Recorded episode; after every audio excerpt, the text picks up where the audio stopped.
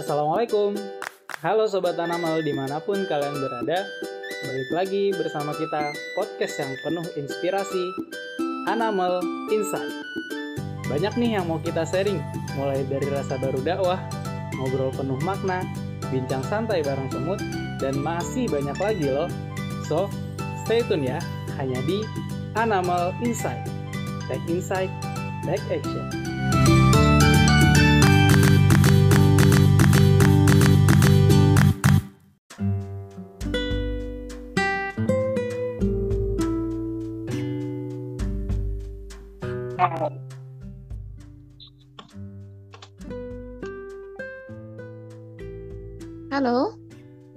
Teh.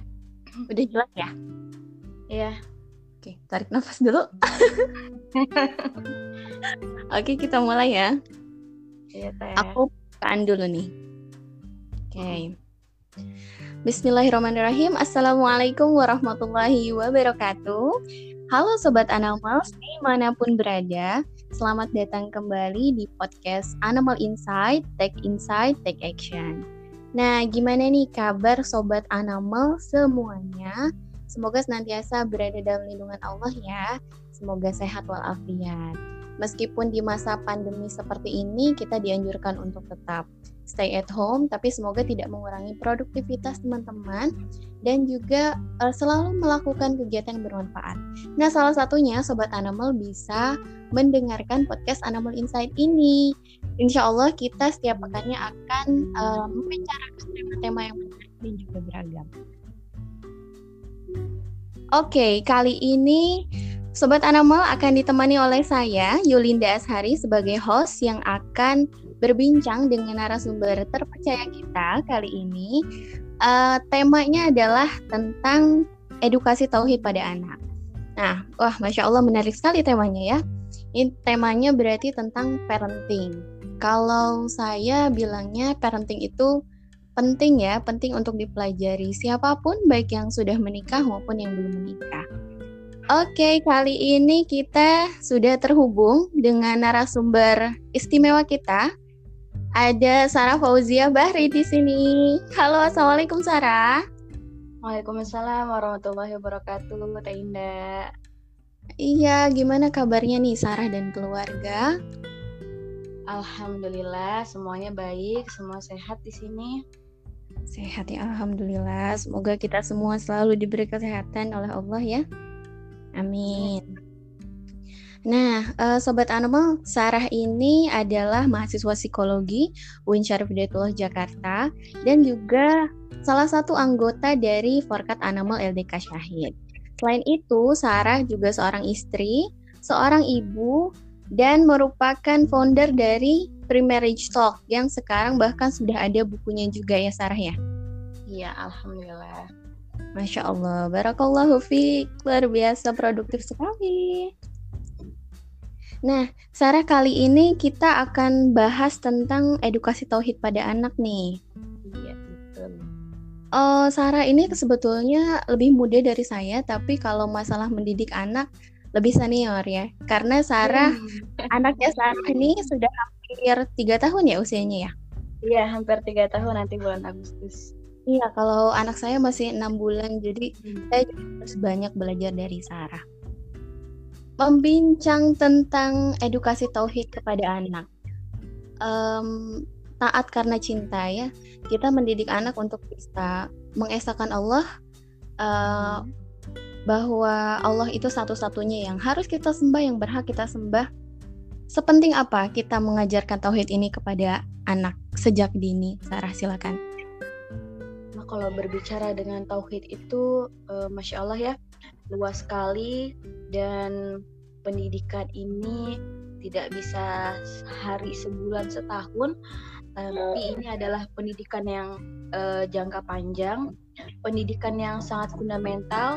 Saking fundamentalnya eh, Rasulullah bilang gitu ya, tidak akan eh, seseorang yang masih ada kalimat la ilaha illallah, la ilaha illallah dalam hatinya maka akan masuk surga. Jadi sepenting itu jika kita masih di hati kita ada kalimat la ilaha illallah tiada Tuhan selain Allah maka kita bisa masuk surga. Jadi uh, benar rasanya kalau misalnya pendidikan tauhid itu adalah uh, yang paling utama dan paling penting kita pupuk pada anak itu. Dari sebelum ia dilahirkan juga setelah ia dilahirkan. Seperti itu. Nah, tapi yang menjadi masalah saat ini adalah ketika kita keliru membicarakan pendidikan tauhid itu.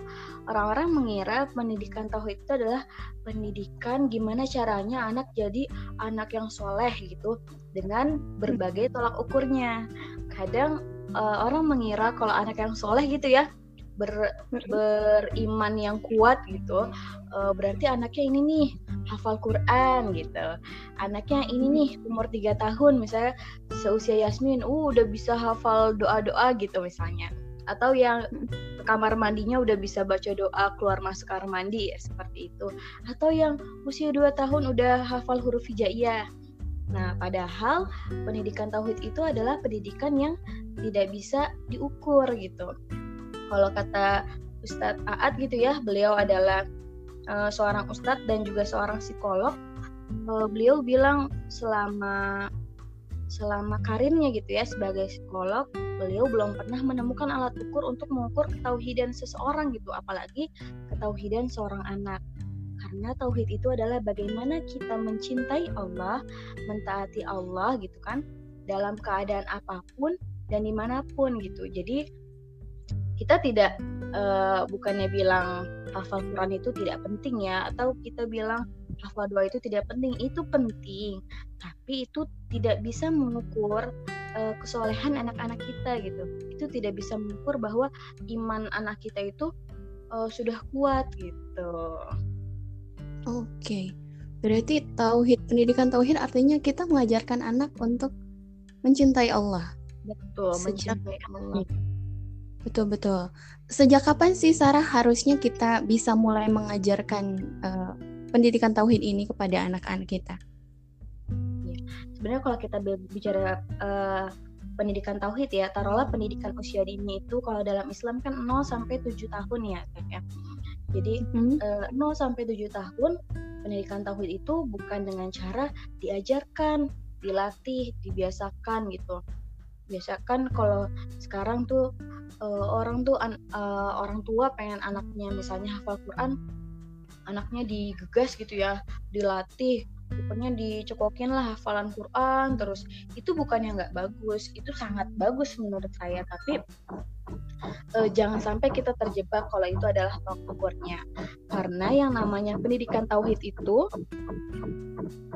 uh, adalah kita bagaimana cara cara kita mempesonakan uh, ajaran-ajaran Islam pada diri anak kita gitu. Jadi anak itu tidak diajarkan tapi dibikin pesona. Dia terpesona, dia jatuh cinta. Gimana sih kalau istilahnya orang udah jatuh cinta gitu ya, pasti akan melakukan mm-hmm. segala sesuatunya untuk kalian dicintai. Kalau berbicara tentang sejak kapan, uh, bahkan sejak kita masih sendiri gitu. Karena mm anak itu kan suci ya terlahir dalam keadaan suci dan ia bisa dididik insya Allah dengan orang tua yang senantiasa mensucikan dirinya atau tazkiyatun nafs. Jadi sebelum sebelum teman-teman menikah gitu jangan dikira uh, belum mendidik anak gitu apalagi membicarakan pendidikan tauhid justru ketika teman-teman belum menikah benar-benar teman-teman tuh pelajari gitu ketauhidan itu sendiri. Uh, benarkah selama ini kita sudah beriman secara kafah gitu ya. Sudah sudah se, sudah Islam secara kafah sudah beriman dengan sebaik-baiknya iman gitu. Sudah benar-benar mengesahkan Allah dalam hati kita. Nah itu sebenarnya salah satu bagian dari pendidikan tauhid. Berlanjut ketika uh, ketika sudah misalnya hamil gitu ya. Nah itu kan pendidikan terus kita uh, lakukan ya dengan sering-sering berbicara hal-hal yang baik misalnya. Karena anak kecil itu apa ya perlu dipesonakan yang tadi kita bahas perlu dipesonakan. Jadi hal-hal yang kita bicarakan tuh penuh dengan uh, pesona kepada Allah gitu. Misalnya gini Masya Allah ya hari ini bisa makan nikmat dari Allah ini Allah loh yang ngasih gitu. Terus misalnya anak hmm. uh, masih kecil gitu ya misalnya masih bayi seusia hilal gitu kita tuh nggak jangan merasa mereka itu tidak bisa merekam. Jangan salah mereka itu kecepatan merekamnya jauh di atas yang kita duga gitu. Selama saya membesarkan Yasmin ya setidaknya. Yang dulu dulu pernah pernah kita berikan yang pernah kita omongin gitu di depan dia walaupun kita merasa kita sangka dia nggak akan menyerap ternyata dia menyerap. Ketika dia sudah berbicara dia keluarin itu semuanya yang kita obrolin gitu. Misalnya masya Allah ya hari ini kita bisa makan. Terus misalnya uh, lagi jemur nih di luar. Biasa kan anak-anak ada kucing lewat. Ih lihat ya tuh ada kucing. Masya Allah kucing itu kakinya empat. Ciptaan Allah ada buntutnya Tuh lihat, ada kucing warna oranye, ada kucing yang warna putih. Beda-beda ya warna kulitnya. Iya, itu semua ciptaan Allah. Allah yang menciptakan loh. Keren banget ya Allah. Tuh pokoknya se gimana sih kita kayak kita bener-bener uh, pesona banget. Kita bener-bener jatuh cinta banget gitu sama Allah. Nah, itu tuh terus terus kita kita ajarkan di samping kita mengajarkan adab-adab ya uh, tentunya adab-adab baik. Tapi ketauhidan itu kita terus ajarkan lewat uh, imaji-imaji positif. Itu yang tadi kita namakan imaji positif. Bagaimana anak itu mengimajinasikan Allah itu sesuatu yang keren yang luar biasa gitu yang menciptakan segalanya. Karena kan kalau dari teori psikologi anak usia dini itu kan berpikirnya masih abstrak ya dan iman iya. itu sifatnya abstrak gitu enggak nah makanya itu usia dini itu bagus banget untuk kita mengajarkan keimanan gitu Allah itu keren, Allah itu hebat, ada surga loh nak. Surga itu tempat orang-orang yang Allah sayang dan sayang sama Allah. Di surga itu ada apa aja, eh, ada ada apa aja yang kita mau gitu kan. Rasulullah itu hebat nak, keren. Rasulullah itu seorang yang berani, yang dermawan dan sebagainya. Itu termasuk imaji-imaji positif seperti itu. Dan masya Allah sepanjang uh, saya berusaha gitu ya uh, mendidik Yasmin, walaupun menyadari bahwa banyak ketidaksempurnaan di sana sini, uh, alhamdulillah gitu. Uh, akhirnya saya saya saya sangat menikmati sekali pola pendidikan yang saya berikan ini.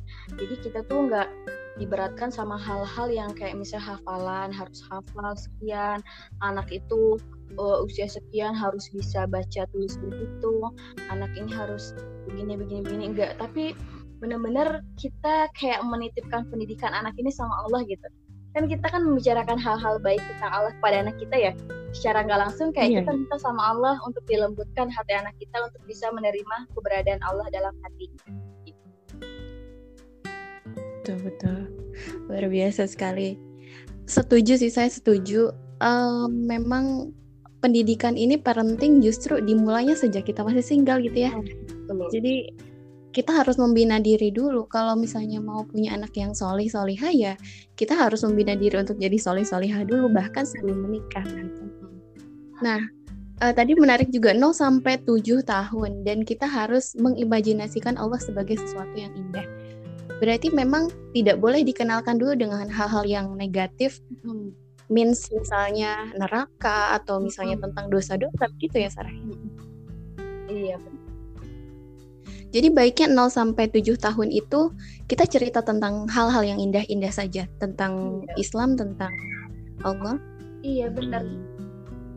Nah, tadi tuh menarik menarik banget contoh-contohnya dari Sarah tuh. Uh, aku menggarisbawahinya ini kita memang harus memperbanyak dialog iman dengan anak-anak ya. Nah, kira-kira apa sebenarnya yang harus dipersiapkan orang tua agar kita bisa berdialog iman.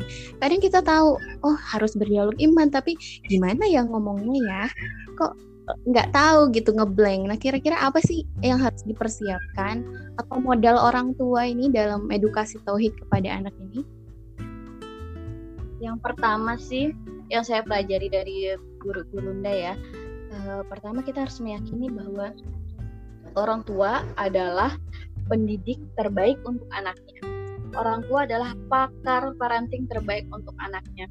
Jadi ibaratnya misalnya aku punya lima anak, berarti aku uh, lima dari lima pakar parenting itu. Karena tiap anak punya metode pola asuh yang berbeda seperti itu. Orang tua harus percaya diri dulu. Ketika kita diamanahi seorang anak sama Allah, Allah juga berikan ke kemampuan Allah uh, install insting parenting kita gitu untuk mendidik anak. Jadi setiap orang tua itu bisa untuk mendidik anaknya. Nah, uh, lawan katanya apa? Ketika orang tua tidak percaya diri, tidak merasa mampu dan misalnya merasa aduh ibu ibu itu panutan banget deh. Ibu itu teladan banget deh untuk uh, mendidik anak. Itu nanti bisa jadi Allah itu cemburu gitu. Allah itu marah gitu. Merasa Ih, ini orang lebih percaya sama omongan manusia ya gitu. Lebih percaya sama omongan uh, ibu-ibu lain daripada uh, insting parenting yang sudah aku berikan gitu. Jangan sampai Allah mencabut insting parenting yang sudah Allah berikan gara-gara kita merasa tidak percaya diri dan lebih meng, apa ya mendengarkan meneladani apa kata orang jadi kita harus benar-benar sering-sering lihat uh, ke dalam diri kita gitu bagaimana cara kita mendidik anak yakin setiap orang tua itu mampu dan sudah Allah mampukan untuk mendidik anak kita. Lalu yang selanjutnya, yang kedua kita harus benar-benar memohon sama Allah, dibimbing sama Allah untuk mendidik uh, anak kita gitu. Beberapa kali itu ya, sering bahkan saya temui ketika kok ini begini ya, kok situasinya begini. Saat kita minta sama Allah, Allah berikan petunjuknya gitu. Misalnya uh, pasti kan setiap anak uh, pernah ya ada di, di mana fase dia nggak mau makan atau makannya sulit gitu. Uh, saya tahan untuk uh, tidak tidak nanya-nanya dulu sama orang lain gitu. Saya lihat ke dalam diri saya sendiri alhamdulillah gitu ya Allah memberikan petunjuk. Petunjuknya apa? Saya kasih makan nih ke Yasmin. Teh ayo makan. Insya Allah ya sudah dikasih rizki sama Allah nih. Uh, semoga makanannya berkah ya. Saya ucap itu berkali-kali bahkan sampai sekarang gitu ya. Alhamdulillah uh, Allah memberikan petunjuk itu. Sekarang anaknya mau makan bahkan dia hanya mau makan makanan yang sehat terus dia juga sering bilang mami semoga makanan mami berkah ya kayak gitu Masya Allah kalau dibilang gimana nih caranya hmm, persiapan apa gitu persiapannya adalah yang tadi kita percaya diri bahwa kita mampu, kita adalah orang tua terbaik, minta pertolongan sama Allah. Ketiga, jadikan uh, selain Allah, selain diri kita itu sebatas referensi gitu. Barat ya kita kalau lagi bikin bikin misalnya bikin karya gitu ya, pasti kan ada referensi-referensi gitu ya, ada referensi tambahan. Itu kan buat penguat penguat karya kita, penguat tulisan kita. Nah itu, jadi jadikan orang lain, jadikan ibu-ibu yang menginspirasi itu sebagai referensi tambahan aja. Terus sebenarnya kita bisa. Dan uh, terakhir sering-sering ngobrol, sering-sering sering-sering ngobrol, sering-sering melakukan quality time sama anak gitu. Karena biarpun kita 24 jam di rumah ya, pasti Teh tahu ya yang namanya kita 24 jam di rumah, tentunya kita punya aktivitas lain gitu ya sebagai ibu rumah tangga misalnya mencuci gitu kan masak. Pokoknya eh, hal-hal uh, yang maksudnya kita nggak nggak bisa terlalu fokus banget sama anak gitu. Misalnya sholat ngaji gitu dan sebagainya beres-beres. Nah itu kan 24 jam kalau dikurangin palingan uh, porsi quality time sama anaknya itu udah berapa sih paling gitu ya. Nah itu kita perbanyak dan kita benar-benar um, berkualitas gitu waktunya sama anak. Jadi kita benar-benar merhati merhatiin oh anak ini tipenya seperti ini ya. Ternyata tips parenting yang A itu belum tentu cocok sama anak kita ya. Jadi anak kita harus seperti ini. Oh tips parenting B itu cocok sama anak kita dengan tambahan bla bla bla bla jadi kita benar-benar ngelihat anak kita itu utuh gitu anak kita hmm. seperti ini dan perlu perlu apa namanya perlu pendidikan yang seperti ini jadi kita uh, fokusnya sama anak kita bukan kakak atau adiknya atau bahkan uh, anak orang lain dan kita juga fokus sama kemampuan yang ada dalam diri kita. iya iya, menarik sekali nih. Um, aku juga punya aku atau saya nih. Saya juga punya uh, pengalaman sebetulnya terkait MPASI kemarin sempat GTM juga kemudian diingatkan oleh seseorang yang membuat anak buka mulut tuh Allah gitu yang Iya. membuat anak mau makan Allah jadi yang saya lakukan adalah saya taubat sama Allah saya benar-benar mohon ampun saya minta maaf juga sama Hilal saya benar-benar mengevaluasi ibadah saya dan masya Allah ya akhirnya jadi melahap lagi gitu makannya. jadi kadang tuh memang eh, parenting ini bukan hanya perkara teknis-teknis ya teori segala macam tapi betul-betul harus kita ke Allah dulu Allah lagi Allah terus gitu. Mm-mm. tadi kalau quality time Sarah biasanya kapan aja nih sama Yasmin? Biasanya ngapain aja juga? bangun tidur bangun tidur tuh kan suasana yang hmm, suasana yang sangat apa ya maksudnya suasana yang sangat nyaman gitu ya bangun tidur kita sambut ah masya Allah anak mami sudah bangun berdoa ya Eh, pelukan yuk pelukan gitu. Terus pernah suatu ketika hmm, saya nggak sadar dia bangun dia bangun dia bilang kok mami nggak peluk sih? gitu. Itu kan tadinya dia Hmm. tahu ya waktu bangun tidur adalah waktu yang sangat dia tunggu gitu untuk istilahnya merasakan kasih sayang dan cinta dari orang tuanya. Terus sebelum tidur, ketika makan, bahkan biasanya kalau saya ketika pakein baju anak gitu. Biasanya kan kalau anak kecil ada mungkin beberapa yang dipakein baju malah lari-lari. Kebetulan Yasmin enggak, jadi kalau kita pakein baju, terus kadang kan kita eh, pakein minyak telon juga tuh ke anak atau eh, ngoles-ngoles apa gitu ya. Eh, itu kan apa ya? Kita lagi skin to skin sama anak dan merasakan kedekatan. Apalagi kalau habis mandi gitu kan baunya seger ya. Jadi tuh sambil saya pakein baju, kadang dia pakai minyak telon, sambil zikir, saya bilang, e, mami dan abah sayang loh sama teteh gitu. Nah, mami sayang sama teteh karena Allah. Nah itu tuh eh sangat apa ya, sangat masuk gitu ke dia ketika situasi-situasi yang nyaman seperti itu kayak gitu dan eh, quality time quality time itu ternyata bukan hanya kebutuhan anak tapi kebutuhan kita juga ya sebagai orang tua kita tuh butuh mencurahkan kasih sayang kepada anak seperti itu Wah. Kalau ini, saya mau nanya lagi. Kalau bentuk kerjasama dengan pasangan, dengan suami itu seperti apa dalam menanamkan tauhid kepada anak? Apakah ada yang berbeda antara ibu dan ayah? Kalau berbeda itu ayah itu lebih ke eh, misi besar ya. Misalnya misi besar kita kan pengen anak jadi anak yang soleh, solehah gitu ya. Mhm. Dia eh, beriman kepada Allah dan dengan imannya itu dia tahu apa-apa yang menjadi eh, tugasnya dia gitu untuk ada di muka bumi ini. Itu eh, adalah tugas seorang suami gitu merancang cita-cita besarnya.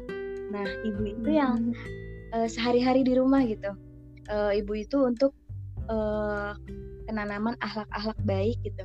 Karena kan ibu yang sehari-hari di rumah, jadi ibu-ibu yang mengurusi detail-detail akhlak baik tuh kayak misalnya ke kamar mandi kan, kan dia sama-sama sama-sama perempuan, jadi eh, akhlak eh, kamar mandi gimana, misalnya ketika tidur, ketika makan, nah itu eh, tugasnya seorang ibu nih yang sehari-hari di rumah. eh menyesuaikan dengan apa cita-cita besar dari suami. Kita ibaratnya ibu itu guru, hmm, kepala sekolahnya itu adalah eh, seorang ayah. Tapi dalam prakteknya sebenarnya eh, sama aja sih. Kalau misalnya saya memang lebih sering tentang dialog-dialog eh, iman gitu ya sama dia karena sehari-hari di rumah. Tapi kalau suami itu biasanya lebih ke eh, misalnya hafalan gitu. Suami yang lebih sering eh, ngajak ngaji, yang lebih sering dengerin siroh ke anak, yang seperti itu. Hmm. Iya, iya. Eh, saya juga baru ini loh, baru merasakan penting sekali kita untuk belajar sirah itu setelah jadi orang tua. Jadi banyak dialog, banyak percakapan yang bisa kita sampaikan kepada anak ya. Mm-mm, jadi kita juga yang dikayakan gitu bahasa bahasa. Iya, betul betul. Sarah ada nggak sih tantangan atau suka dukanya nih selama mendidik Yasmin menanamkan tauhid ini ke Yasmin? Sebenarnya kalau tantangan itu lebih ke diri saya sendiri ya sebagai seorang ibu, karena mau tidak mau suka atau nggak suka terkadang tuh yang namanya seorang ibu tuh pasti ada rasa pengen menggegas anak gitu. Wah anak tetangganya udah ini ini udah bisa ini itu bisa ini itu gitu ya. Itu kalau nggak direm kalau kita nggak tahu ilmunya itu efeknya apa ya? Kita jadi kayak memburu-burukan anak sih. Tapi ketika kita tahu ilmunya gitu kan direm direm gitu kayak tahan tahan. Dia masih usia segini kok nggak perlu diburu-buruin. Yang penting kita menikmati waktu kebersamaan. Yang penting di usia 0 sampai 7 tahun uh, dia tercukupi pondasi fitrah keimanannya. Seperti itu tantangan-tantangan itu lebih keluar sih ketika uh, orang-orang lain seperti berlomba-lomba menggegas anak gitu ya. Uh, hmm. semoga kita uh, masih punya prinsip sehingga kita tahu apa yang terbaik untuk anak kita gitu. Jadi ibaratnya nggak ikut-ikutan gitu. Ketika orang lain mungkin uh, kenapa nih kok belum belum bisa ini belum bisa itu tapi kita ibunya yang tahu yang terbaik untuk anaknya jadi kita nggak perlu sakit hati kalau anak kita dibandingin jadi kita nggak perlu tiba-tiba memburu-buru anak ketika merasa anak kita itu kok nggak cepat ya daripada anak yang lainnya Padahal kan setiap anak itu unik. Setiap anak itu punya potensi yang luar biasa.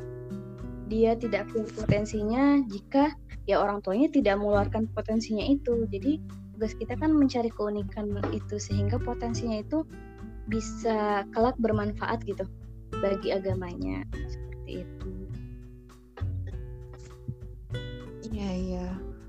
Uh, mau minta tips lagi kalau misalnya orang tuanya itu tipe-tipe yang introvert nih, gimana kira-kira? Sebenarnya hmm, tipe apa pun itu baik lagi ya bahwa uh, menciptakan kita gitu. Berarti mampu mau orang tuanya itu ekstrovert atau introvert.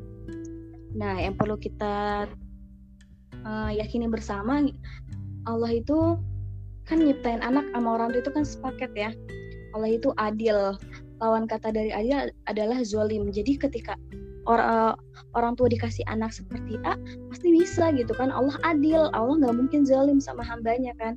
Nah itu jadi kita harus uh, yakin walaupun kita introvert hmm, pasti kita bisa kok mendidik anak seperti seperti si A gitu kan. Kita bisa mendidik anak uh, anak kita nih yang si B gitu dan seterusnya. Jadi uh, insya Allah apa pun tipe kepribadian kita gitu misalnya uh, kita bisa mendidik anak kita uh, dengan baik itu sudah Allah memang sudah Allah berikan seperti itu jadi insya Allah nggak nggak masalah gitu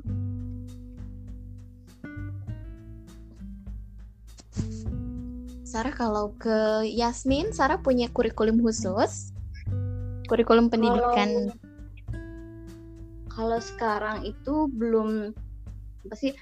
Ketika justru udah belajar tentang pendidikan tauhid lagi, uh, sekarang udah lebih rileks lagi pen, apa kurikulumnya gitu ada, tapi kita lebih ke uh, apa namanya life skill gitu kan lebih ke banyak-banyak dialog iman, terus lebih mengarah ke fitrah based education di mana kita mengembangkan fitrah-fitrah itu gitu.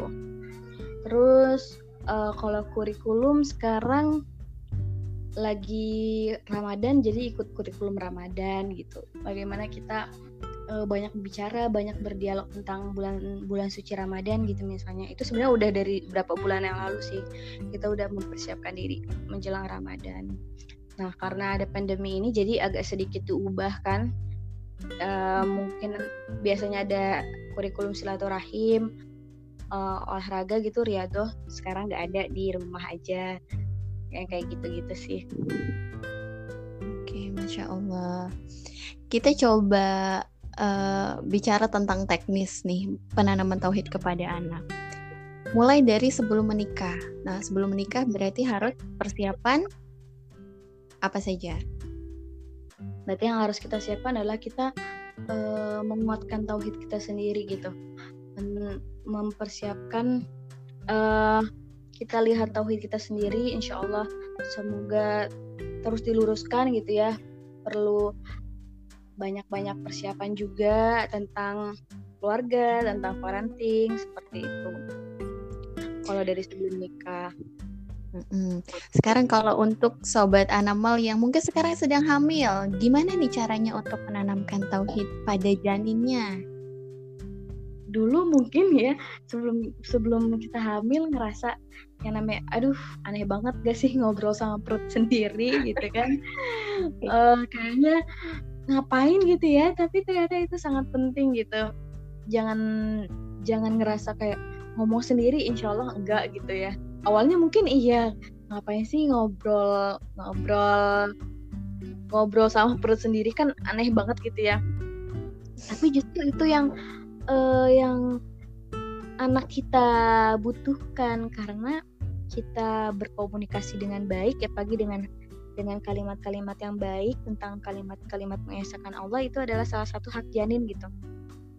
Karena kan uh, pendengaran telinga itu salah satu uh, yang Allah ciptakan terlebih dahulu ya. Jadi kalau nggak salah di usia tiga bulan sebenarnya janin sudah bisa mendengar mm-hmm. uh, suara-suara di sekelilingnya. Jadi ucapkanlah hal-hal yang baik. Uh, kayak semisal kita mau makan, uh, masya Allah ya nak, uh, bunda mau makan semangka nih. Semangka ini warnanya merah, warna merah, rasanya manis. Ciptaan Allah, masya Allah ya. Tadi beli di tukang buah misalnya harganya misalnya harganya dua puluh ribu alhamdulillah bunda dikasih rezeki sama Allah bisa beli semangka kayak gitu. Itu obrolan-obrolan yang kan kita bisa ya insya Allah kita mah tahu ya semangka warna merah harganya sekian beli sekian gitu kan. E, tinggal kita sering-sering aja ngobrol sama anak. Itu benar-benar sangat sangat mempengaruhi loh. Mungkin kita tujuannya hanya bukan hanya ya mungkin kita tujuan utamanya menanam, menanamkan tauhid. Tapi di situ kan ada uh, apa ya aspek-aspek lain gitu manfaatnya. Kayak misalnya perkembangan bahasa anak. Uh, masya allah banget aku pun mm, termasuk nggak nyangka uh, alhamdulillah perkembangannya perkembangan bahasa Yasmin tuh baik gitu. Pikir dulu sebelum sebelum dia lahir gitu ya waktu hamil cerewet juga ya emaknya gitu ya. Ingin apa-apa dikasih tahu gitu. Ternyata ya itu sangat bermanfaat gitu dan kalau kata suami gitu ya dari nasihat Ustaz Salim beliau selalu mengingatkan e, jadilah istri yang cerewet solihah gitu. Jangan asal cerewet iya. tapi ngomongin orang gitu misalnya ya. Atau cerewet-cerewet yeah. ngomelin suami gitu kan atau komentarin hidup orang lain ya. Itu kan berarti cerewetnya nggak solihah ya. Nah, jadi kita cobalah cerewet yang uh, solihah gitu. Yang semua yang kita omongin itu uh, menyinggung kebesaran dan kehebatan Allah Subhanahu wa taala. Gitu kalau selama hamil. Masya Allah. Kalau misalnya saat bayi, hmm. uh, jadi ini konsultasi pribadi jadinya, bayi lu bisa bicara dengan sesudah bisa bicara, ada perbedaan ada untuk komunikasi jadi gimana gimana kalau dulu sebelum sebelum dia bisa bicara ya kita harus berprinsip bahwa bayi semua bahasa yang dikeluarkan sama bayi itu adalah bahasa misalnya gini ngobrol sama bayi uh, misalnya tadi ngobrol semangka ya alhamdulillah nih uh, bunda punya semangka warnanya merah apa dek me Nah terus kan bayi itu diem tuh ya, biasanya ngeliatin sambil senyum-senyum gitu ya. Terus keluar uh, keluar dari mulutnya biasanya ngomongnya apa sih? A atau U gitu ya. Kan bayi suka ngeluarin bahasa. Anggap aja dia tuh lagi jawab pertanyaan kita. Iya bener merah dek. Wah adek tahu ya, masya Allah. Adek cerdas deh karena Allah. Iya ini warnanya merah semangka ciptaan Allah gitu. Jadi walaupun kita cerewet tapi uh, ada teksturnya gitu. Kita tanya, dia jawab, kita ngobrol, dia uh, menanggapi gitu. Jadi anggap aja semua yang uh, yang dia keluarin gitu ya walaupun itu bukan dia belum bisa ngobrol itu adalah bahasa. Jadi misalnya biasa kan anak-anak ya tiap-tiap gitu ya, belum ada bahasanya, tapi dia teriak-teriak ah, uh gitu. Iya uh, adik ngomong apa tadi? Iya bunda ngerti kok. Iya kayak gini ya? Iya gitu. Jadi seolah-olah kita ngerti. Itu bener loh. Bayi merasa dihargain banget kalau misalnya kita tuh ngerti bahasa bahasa dia dibanding ngomong apa sih dek? Bunda nggak ngerti. Iya bunda nggak ngerti. Atau bahkan kita uh, acuhkan dia itu uh, apa ya mempengaruhi psikologis dia gitu. Dia merasa diabaikan. Berbeda kalau misalnya anak sudah uh, bicara ya. Sudah berbicara juga entar beda lagi nih berbicara sudah jelas atau terlewat jelas gitu ya. Kayak Yasmin apa aja diobrolin itu kan beda ketika kita dia sudah jelas bicaranya pasti dia sudah punya kemampuan dan kita harus hargain gitu. Kemauan dia terus pendapat dia gitu. Kalau sekarang lebih sen lagi senang ngobrolin uh, kayak tadi itu barusan banget ya jam 12 saya cerita nanya-nanya sama dia uh, teteh mau masuk surga nggak? Uh, mau. Terus saya gali gitu kan emangnya di surga ada apa aja sih? Ada susu ada mainan ada buah-buahan ada boneka dia lagi senang boneka. Ada buku-buku hmm, terus apalagi? Uh, Teteh mau ketemu Rasulullah nggak di surga? Iya mau. Nanti kan Rasulullah di samping mami. Uh, ntar Teteh ngobrol juga sama Rasulullah uh, ntar Teteh ngobrol sama Rasulullah terus main tuh main yang kayak loncat-loncatan itu loh. Jadi dia terus aja mengeksplor gitu kan dia berimajinasi oh mungkin surga itu seperti itu. Ya sambil uh, uh, saya aminkan ya ya Allah semoga benar bisa duduk bersama Rasulullah SAW gitu. Amin amin ya terus ya udah dia, dia ngobrol tentang surga dia emang belum saya kenalkan tentang uh, neraka. Jadi uh, pokoknya sesuatu yang dia suka dia bilang itu uh, di surga gitu. hmm. Wah, seru sekali sekali obrolan. Kalau Sarah pernah mungkin pernah dialami juga mungkin oleh ibu-ibu semua di sini saat suasana hati kita tuh kan tidak selamanya baik ya. Hmm. Kadang ada kesalnya, dan kadang lagi bosannya, kadang marahnya, nggak moodnya. Itu cara kalau Sarah sendiri cara mengatasinya saat berinteraksi dengan Yasmin padahal hati sedang nggak bagus tuh kayak gimana? pertama menyadari bahwa kita itu ibu tidak sempurna ya tidak mungkin selalu happy hmm. dan tidak mungkin selalu ya seperti teori-teori uh, ideal lainnya gitu ya kita harus pandai-pandai mengukur diri gitu. kalau misalnya uh, suasana hati tidak sempurna uh, saya saya harus mengalah dan tetap merasa menjadi ibu yang baik gitu ya. Walaupun mungkin di hari itu uh, saya tetap main sama Yasmin tapi nggak maksimal. Atau baca buku sama dia tapi nggak maksimal nggak sebanyak biasanya. Itu harus disadari juga kalau uh, ya emang itu kok. Jadi jangan sampai kita suasana hati kita nggak baik. Tapi terus kita sama anak nggak maksimal. Terus ditambah kita ngerasa aduh payah banget nih jadi ibu. Aduh bukannya ibu yang baik dia kayaknya. Terus dia menyalahkan diri nah itu tidak akan membuat uh, perasaan kita tambah baik justru malah semakin negatif tambah menyalahkan diri. Seperti itu. Aku lebih seringnya oh, justru harus percaya diri itu penting hmm, bagi seorang ibu ya. iya, ilmu. Hmm, ya, karena itu hal yang manusiawi kok. Kita ibu kita manusia tidak sempurna pasti ada masanya uh, merasakan berbagai jenis emosi termasuk emosi sedih gitu ya. Jadi itu oke okay, kita terima gitu. Kalau sekarang anaknya sudah besar gitu ya. Kalau sebelum tidur misalnya suka dievaluasi hari ini teteh seneng nggak? Sedih nggak? Biasanya uh, keluar tuh apa yang dia rasakan. Iya sedih. Uh, mami tadi marah atau tadi nggak main uh, maaf ya gitu. Pasti setiap ibu pasti setiap sebelum tidurnya ada harapan gitu ya. Hari esok semoga lebih baik lagi. Uh, besok semoga saat anak rewel kita nggak marah atau kita uh, saat anak uh, misalnya nggak mau makan kita tetap sabar yang kayak gitu-gitu. Kita terima emosi kita sambil komunikasi sama suami. Uh, apa kalau bisa minta ingatkan sama suami yang namanya kita sudah menikah mau marah mau sedih kalau bisa sif-sifan aja deh sama suami apalagi kok oh, udah punya anak. Ibaratnya kalau kita sedih suami jangan ikutan sedih gitu ya harus handle anak. Begitupun iya. sebaliknya. Hmm, masuk kalau marah juga kalau misalnya kita lagi hmm, lagi kesel gitu kalau bisa eh, pasangan kita jangan. Dan sebaliknya jadi jangan dua-duanya marah atau dua-duanya uh, kesal kalau dua-duanya happy nggak apa-apa ya nggak masalah tapi kalau emosi-emosi negatif itu jangan jangan barengan gitu loh jadi sif-sifan aja sama pasangan gitu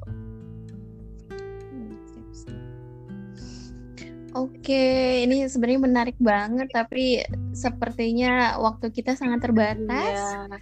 Uh, terakhir mungkin Sarah mau memberikan pesan-pesan untuk sobat Anamal yang mendengarkan. Iya, jadi gini teman-teman ya, insya Allah teman-teman Anamal di sini udah mm, ngerti ya udah udah insya Allah secara keilmuan udah masya Allah deh. Jadi kalau kita berbicara tentang pendidikan tauhid yang kita bicarakan adalah bagaimana kita menciptakan uh, gairah keimanan dalam rumah tangga kita dalam keluarga kita. Bagi yang belum menikah nggak apa-apa kita me menghadirkan gairah keimanan di keluarga kita gitu misalnya ada adik atau keponakan itu bisa bisa kita praktekkan gitu ya. Bagi yang sudah menikah, yuk uh, semuanya itu berawal dari gairah keimanan yang ada dalam keluarga kita. Jadi kita contohkan, kita beri keteladanan terbaik, yaitu adalah sebenarnya kunci dari pendidikan tauhid. Keteladanan yang konsisten, yang istiqomah. Kita berikan teladan yang yang baik, semuanya kita kaitkan akan kebesaran dan uh, kehebatan Allah Subhanahu wa taala. Uh, insya Allah gitu ya. Insya Allah anak-anak kita nantinya bisa taat pada Allah karena cinta gitu. Kita berikan keteladanan kita berikan hal-hal positif terus tentang Allah tentang Rasul tentang agamanya. Jauhi uh, kekerasan hukuman di usia dininya. Biarkan dia mengimajinasikan semuanya itu secara positif. Uh, seperti itu. Kalau kita ibaratkan ya misalnya kita sholat sholat sehari lima waktu. Uh, sebulan uh, berarti 150 ya. Kalau setahun 180 kali sholat. Dikalikan lima tahun coba berapa kalau uh, ribuan kali sholat yang kita lakukan itu setiap waktu azan misalnya ya kita kita menyambut panggilan sholat dengan bahagia oh masya Allah udah azan. Bunda mau sholat ya nak?